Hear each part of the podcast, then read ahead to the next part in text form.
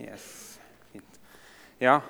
Eh, det var utrolig flott å synge første sangen i dag. 'Hilde er frelser og forsoner'. Det er liksom den sangen jeg har egentlig gått og tenkt på hele uka mens jeg har forberedt meg. Eh, og så tørte jeg ikke å spørre om den, for det blir litt for sært å spørre om den. Men så synger dere den jo helt, helt konge, så det var veldig, veldig stilig.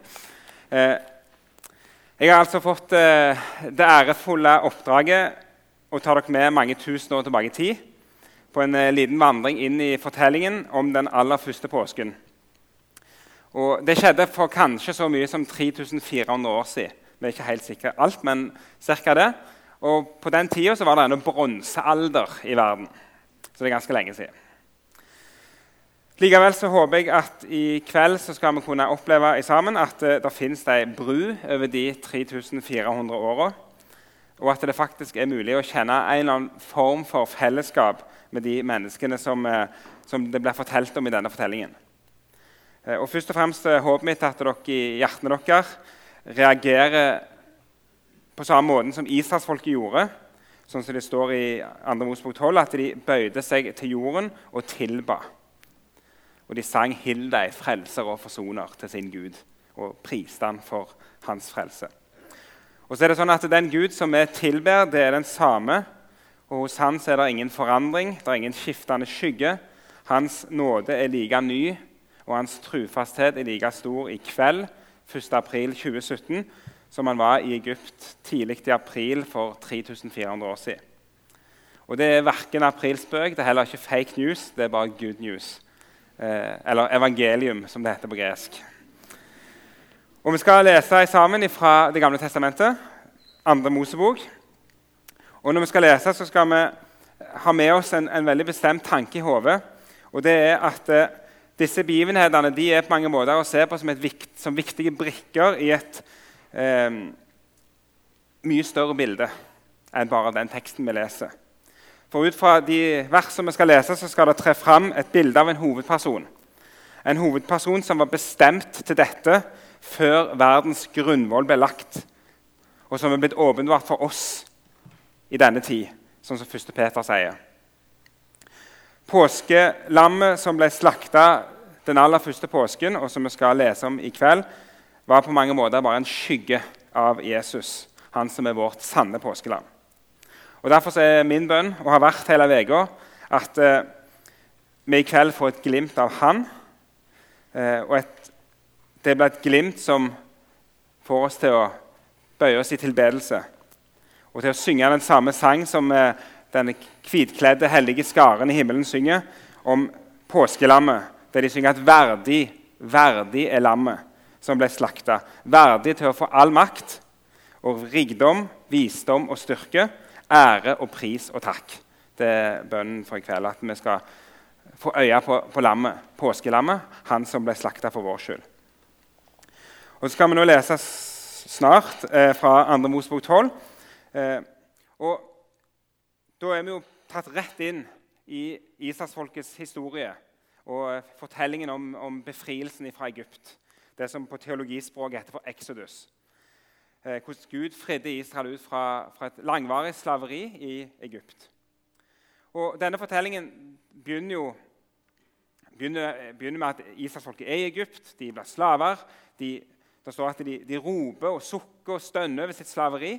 Og så hører Gud, og så vedkjenner Gud seg dette folket. Og så tar han kontakt med en eh, 80 år gammel gjeder som eh, tilfeldigvis har rota seg bort på Sinai-halvøya med sauene sine, Moses. Og åpenbarer seg for Moses. Og så er det da at Moses han, eh, i 2. Mosebok 5 stiller seg fram foran farao, den mektige kongen av Egypt, med disse berømte ordene 'Let my people go', som det så fint står i sangen. Eh, han var farao solguden sin representant på jord. Solens sønn. Ganske bra sjølbilde, egentlig. Solgudens representant på jord. Solguden var hovedguden til egypterne, og så var farao hans representant. Og Da er du ganske, kan du fort bli litt stivnakka og litt trossig i møte med en, eh, en uh, saueluktende gammel mann som uh, sier 'Let my people go', for det har min Gud sagt. Uh, og, og, Det skjer med farao. Og I 2. Mosebok 5 så sier farao at 'Hvem er Herren?' Hvem er Herren? Skulle jeg lyde Herren og la folket dra. Jeg kjenner ikke Herren, jeg vil ikke la Israel dra. Jeg er solens sønn, nemlig. Så kommer du med en eller annen Herren. Hvorfor skal jeg bry meg om han? Det er farao sitt ganske tydelige svar til Moses. Herren sitt svar er at det skal du få kjenne. Og det får han. Det får farao kjenne, det får egypterne kjenne, det får Israelfolket se, og de får erfare det på en voldsom måte. Og Det er det som blir fortalt fra kapittel 5 og fram imot kapittel 12. Der Gjennom kapittel etter kapittel etter kapittel, landeplage etter landeplage så blir Egypts guder avkledd og latterliggjort. De viser seg som totalt maktesløse. Gudene ved Nilen blør. Gudene ved husdyrene evner ikke å holde husdyr i live.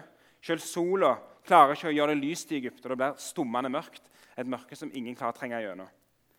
De opplever lidelse, de opplever død. De opplever å møte Herren Israels Gud i all hans kraft og all hans velde og hans hellighet og hans vrede. Og Så viser det seg at Herren Israels Gud han er ingen ufarlig himmelsk kompis. Han er hellig, og hans dom over mennesker og opprør og hovmod den er voldsom. Og Etter at vannet har blitt til blod, etter at mennesker og dyr er blitt plaget av frosker, lus, insektsvermer, dyrepest, verkebuller med blemmer, hagl, gresshopper og mørke, så skal Gud nå sende den tiende og avgjørende landeplaga. Og nå skal, skal der, står det i kapittel 11 i hele Egypt lyde et skrik så høyt at det aldri har vært magen til det, verken før og heller ikke siden. Det er det egypterne nå skal erfare. Men så skal midt i denne her forferdelige dommen Det, det, det er egentlig en, en, en, eh, sjokkerende beskrivelse. Og, og, det kan liksom, Gud blir skremmende i, i, i, disse tekstene. Så er det da likevel et skille. Et veldig tydelig skille som skal settes denne kvelden. Og Det skillet som Gud skal sette, det skal defineres på samme måten som det har blitt siden, nemlig av blodet. Blodet fra et lam uten feil. Og Sånn har det vært siden. Skillet i møte med Guds dom har alltid vært, si da, og skal være i all evighet, blodet av et lam uten feil og lyde. Og Så skal vi nå lese fra kapittel 12 og lese disse her eh, forskriftene som Gud gir til Israel. Og Nå får dere bare henge med. Det er en lengre tekst. dette her. Herren sa til Moses og Aron i Egypt.: Denne måneden skal være nyttårsmåneden deres. Den skal være den første måneden i året. Si til hele Israels menighet på den tiende dagen i denne måneden skal hver husfar ta et lam, ett til hver husstand. Men hvis husstanden er for liten til å spise opp et lam, skal husfaren og den nærmeste naboen ta ett sammen, alt etter hvor mange de er. Dere skal ikke regne flere på hvert lam enn at alle blir mette. Lammet må være et årsgammelt værlam uten feil. Dere kan, ta, dere kan ta enten et lam eller et kje. Dere skal ta vare på det til den 14. dagen i denne måneden.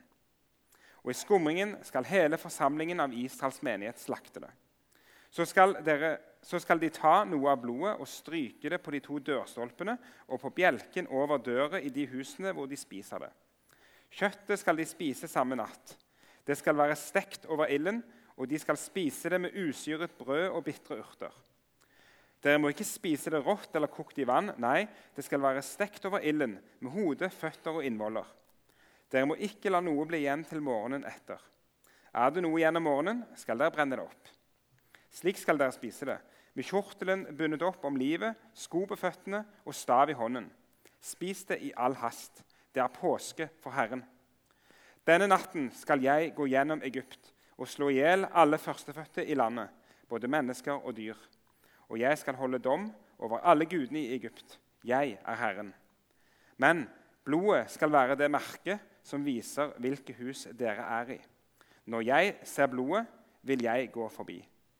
Ingen ødeleggende plage skal ramme dere når jeg slår Egypt. Siden skal denne dagen være en minnedag for dere. Dere skal feire den som en høytid for Herren. Dere skal feire i slekt etter slekt. Det skal være en evig ordning. Det var første del av eh, påskeforskrift. og Så kommer det en, et avsnitt om usyra brød, før det står litt mer om lammet litt senere. Og så skal vi også ta med oss et, en liten setning fra 2. Korinterbrev 5, vers 7, som er tolkningsnøkkelen for i kveld. Der står det For vårt påskelam er slaktet Kristus. For vårt påskelam er slaktet Kristus. 1. Korintene 5,7. Sorry, det var sikkert feil. Jeg kom feil opp her, men det er greit. For vårt påskelam er slaktet Kristus. Det er tolkningsnøkkelen til denne teksten her, som vi leste nå. den lange teksten. Kristus er vårt sanne påskelam. Eh, denne teksten her i 2. Mosebok 12 det er jo selvfølgelig ei gullgruve. Eh, jeg sa nettopp at eh, disse begivenhetene er som brikker i et større bilde. Jeg kan også bruke en annen illustrasjon, nemlig at det er som, som tråder i en vev. Se for deg at du skal veve et, eh, veve et bilde. Um, og, og, det bildet skal være av, av, Jesus, Kristus, det sanne påskeland. Men så er det også spennende at hvis du begynner å ta tak liksom, du, du, har fått et bilde av Kristus, som Nytestamentet har åpenbart, med mange tråder i, veven. Og Når du begynner å dra i de trådene der, så ser du at hver av disse trådene strekker seg gjennom Bibelen. og Det er så masse spennende. Og sånn er det også med, med andre Mosebok 12 her. Det er så mange ting som sier som påskelam, og begynner du å dra i den enkelte av de trådene, så er det liksom bare sånn Wow, her er det bare ufattelig mye. Det er en ganske smart eh, forfatter som står bak denne boka her, vil du tenke. da. For et, for et plott. Ikke løye for Gud.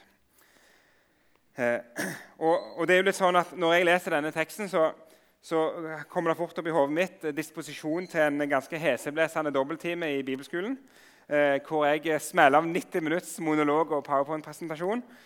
Og folk likevel, og fall jeg, vil sitte igjen med følelsen av at vi rakk så vidt å skrape i overflaten. Her er det så mye. Eh, og det viser at vi kan jo selvfølgelig ikke kjøre 90 minutters eh, powerpoint-show i kveld. Eh, men det er altså ufattelig mange spor å fylle. Eh, men siden jeg jobber med bibelundervisning og, og liksom lever i den verden, så kan jeg ikke unngå å liksom vise dere et par av de trådene. Så skal vi se bare noen elementer fra denne teksten første jeg vil peke på, er jo eh, Lammet skal, skal, skal, velges ut den tiende i måneden. Den tiende i måneden sto det at lammet skal velges ut. Eh, interessant nok, tilfeldig kanskje ikke, så var det nettopp den tiende at Jesus rei inn i Jerusalem. Palmesøndag. Og Fra den dagen så ble jakten på å få drept Jesus intensivert. Påskelammet var blinka ut. Nå må vi få slakta det. Første lille sånn en tråd. Den andre tråden eh, lammet skulle være uten feil. Lammet skulle være uten feil. Og så har vi en frelser som er prøvd i alle ting, i likhet med oss, men uten synd. som står om i Hebreabrevet. Prøvd i alt, i likhet med oss, men uten synd. Han er vårt påskelam. Han er uten feil, akkurat som dette påskelammet skulle være. Så står det at eh, dette påskelammet det skulle slaktes i skumringen på denne eh, velsignede grunntekst som jeg har gleden av å undervise på hebraisk, så står det mellom de to aftenene, eller de to aftenstundene, som det er blitt oversatt med i en annen bibel. Eh, de to aftenstunder det er tolv og seks. Så poenget er at lammet skulle slaktes mellom tolv og seks. Og Har vi lest evangelien, så vet vi at Jesus ble, han døde klokka tre. Og enkel matte midt imellom tolv og seks er tre. Er det tilfeldig, kan en spørre. Det var ikke samme dag, riktignok, men likevel. Klokkeslettet passet òg. Så står det videre at det, eh, i, i eh, en av forskriftene litt senere kapittel 12 at det, eh, en skal ikke brekke bein på lammet. Og Det er jo nettopp det Johannes gjør et poeng av når han forteller om hvordan de romerske soldatene gikk ut på kvelden for å, for å knekke beina på disse her som hang på korsene på Golgata, for, å, for at de skulle, ikke skulle henge ved sabbaten. Så står det at de kom til Jesus, så var han alt død. Og Derfor knakk de ikke bein på ham. Og så skulle det oppfylles, det som var sagt. Ikke et bein ble knekt på ham. Så passer det òg med lammet, sånn som det beskrives her i 2. Mosebok 12. Så står det at uh, dette påskelammet det skulle heilsteiges over ild. Skulle for all del ikke kokes i vann. og Vi kan jo sånn lure hvorfor i verden er dette så viktig. Uh, at det skulle heilsteiges over ild. Og nå er jo jeg såpass eh, nerd, nerdelest i en del tekster i tredje Mosebok at eh, når jeg leser at det skal steikes over ild, og alle innvoller, alt skal steikes, da er jeg liksom bare knipset inn. Oi, dette er jo akkurat litt brennofferritualet. Det er gjerne ikke det første vi tenker på. Eh, men, men det, det, kan skje da, hvis en har liksom nerda seg nok opp. Men egentlig så er det helt fantastisk. Altså, lammet, Påskelammet skulle steikes på samme måten som brennofferet skulle brennes. Over ild, med alt, hele, hele lammet. Skulle ikke ta vekk innvoller og, og bein og hode. Ingenting. Alt skulle, alt skulle steikes. Og, og, og, den assosiasjonen der, lammet, påskelammet og brennofferet liksom de, Det er assosiasjoner mellom de to. Og Det er egentlig et fantastisk budskap. For, for brennofferet var et av de viktigste soningsofrene i det gamle Israel. Brennofferet var det offeret der, der, den som hadde synda, førte fram offeret, la hånda si på offerdyret, og så ble det ofra i stedet for han. Så døde det dyret i stedet for han. Og så er bildet ikke sant, at uh, han kommer med sin synd og så liksom legger det oppå dette dyret, og så dør det brennofferet i stedet for. Og Det er noe som du som sitter her i kveld, virkelig kan få lov til å ta til deg, og som på ingen måte er verken aprilspøk eller fake news.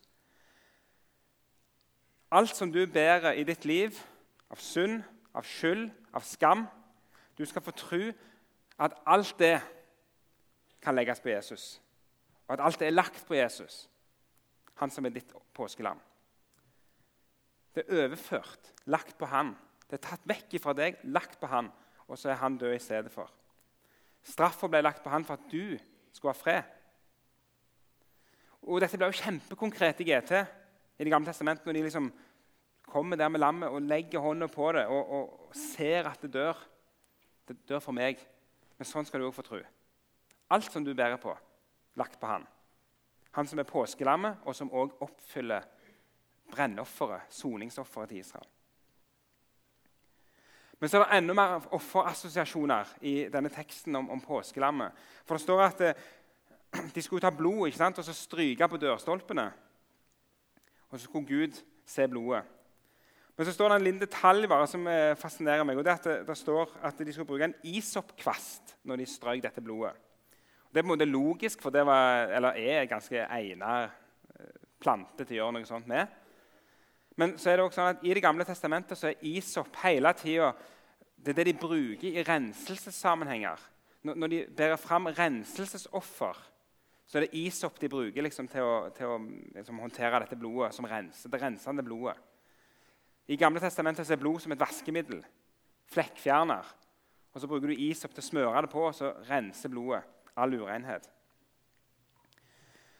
Og Det er derfor Bibelen snakker så mye om, om at Jesu blod renser. Og det er det vi sang i denne Hill frelser frelser forsoner om denne floden som renser. Og det er hans blod som renser. Og nettopp denne flokken som, som lovsynger lammet i Åpenbaringen 5, det, det, er nettopp at de, de har rensa klærne og gjort det hvite i lammets blod. For dette blodet er rensende. Og så er det òg noe som du skal få ta til deg.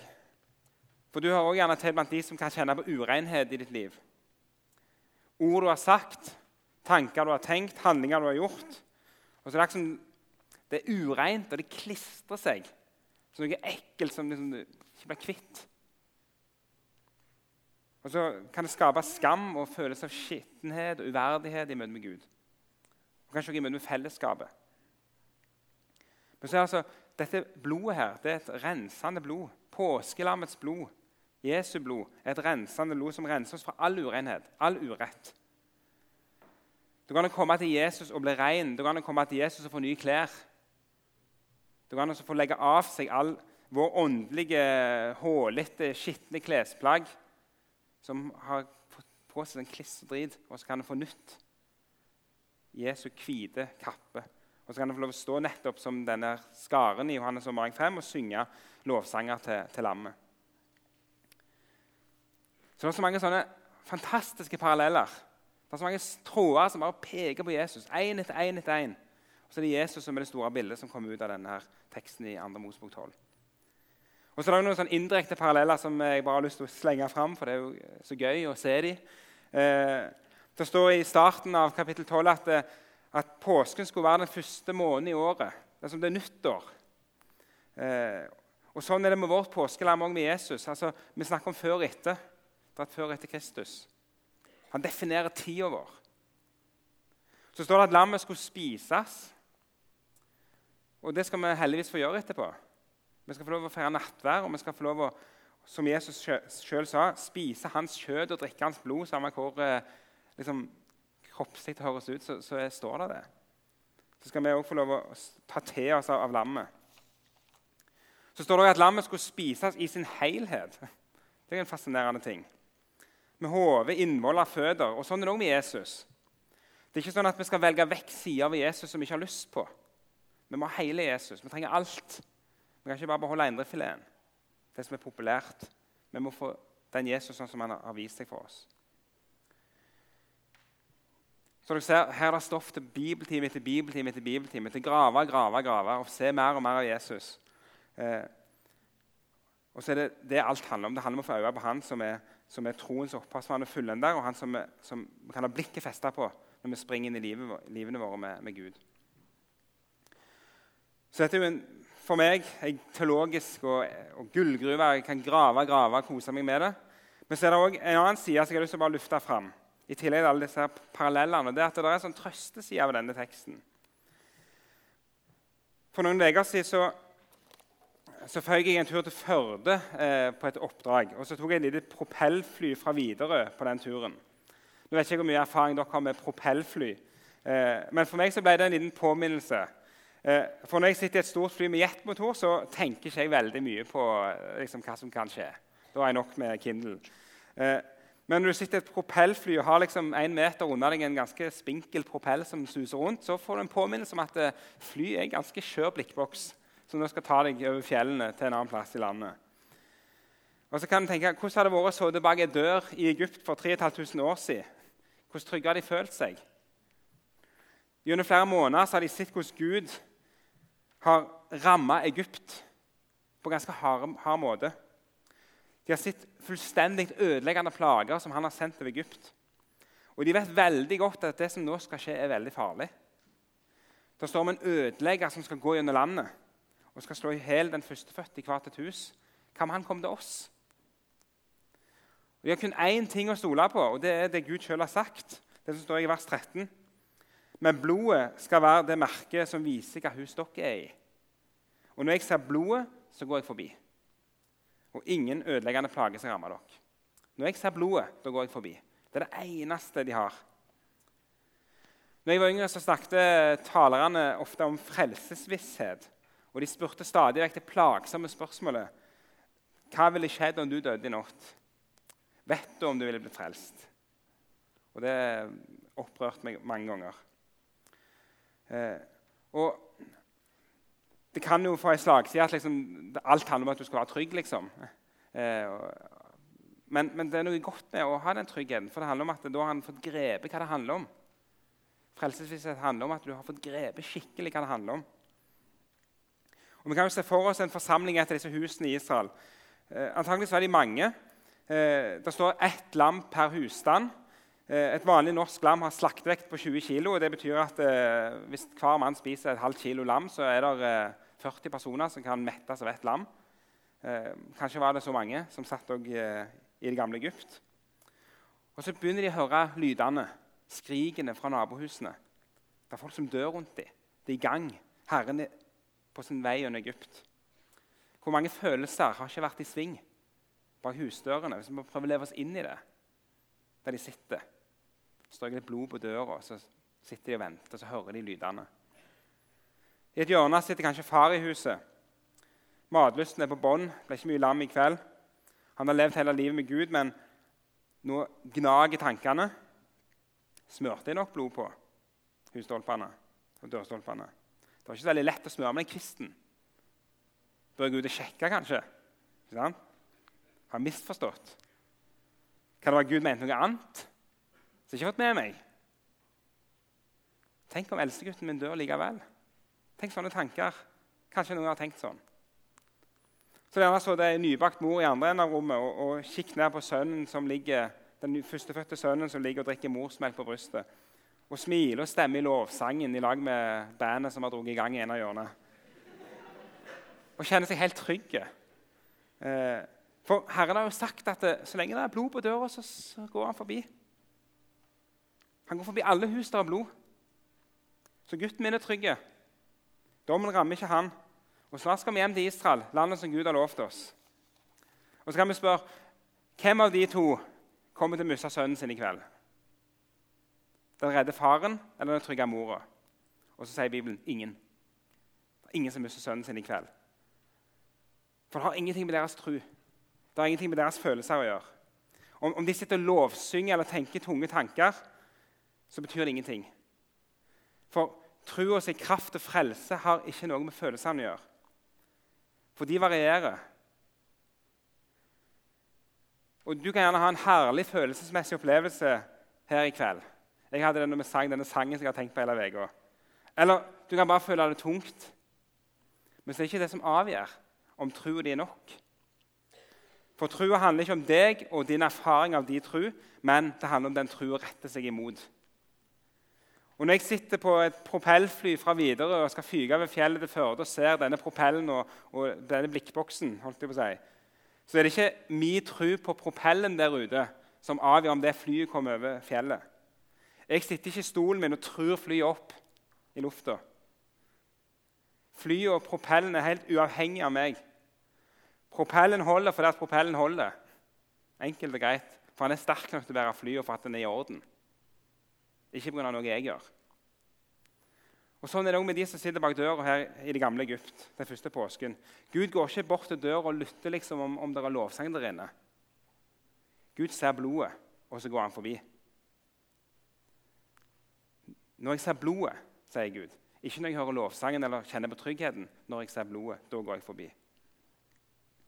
Hvordan kom jeg meg til Førde? Jo, jeg gikk inn i flyet og stolte på at flyet gjorde jobben.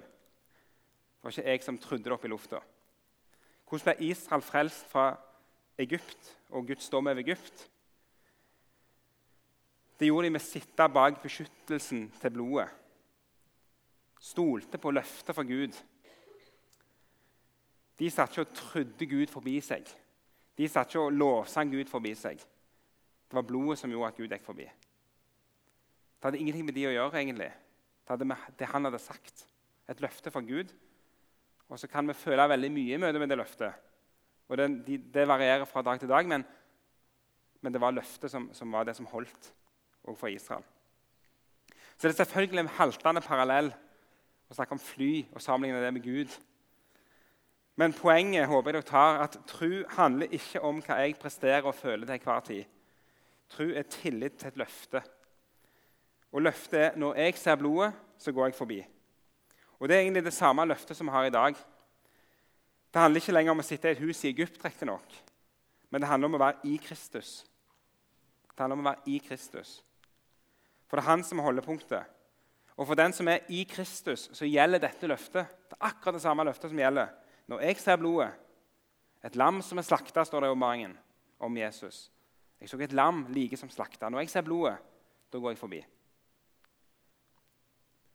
Så kan du være full av jubel ene dagen, full av tvil andre dagen. Men det handler ikke om det. Det handler om han som du tror på. Og det løftet, og ikke intensiteten og følelsene i troa di på løftet. Det er Jesus som holder, og ikke alt du føler rundt troa di på ham. Han er vårt påskelam som ble slakta. Han er den som døde i stedet for oss. Og hans blod er det frelsende og rensende blodet som tar vekk all din synd, all din urenhet, all din skam. Alt i sammen. Og Når Gud ser hans blod, så gjelder det samme løftet. Da går jeg forbi.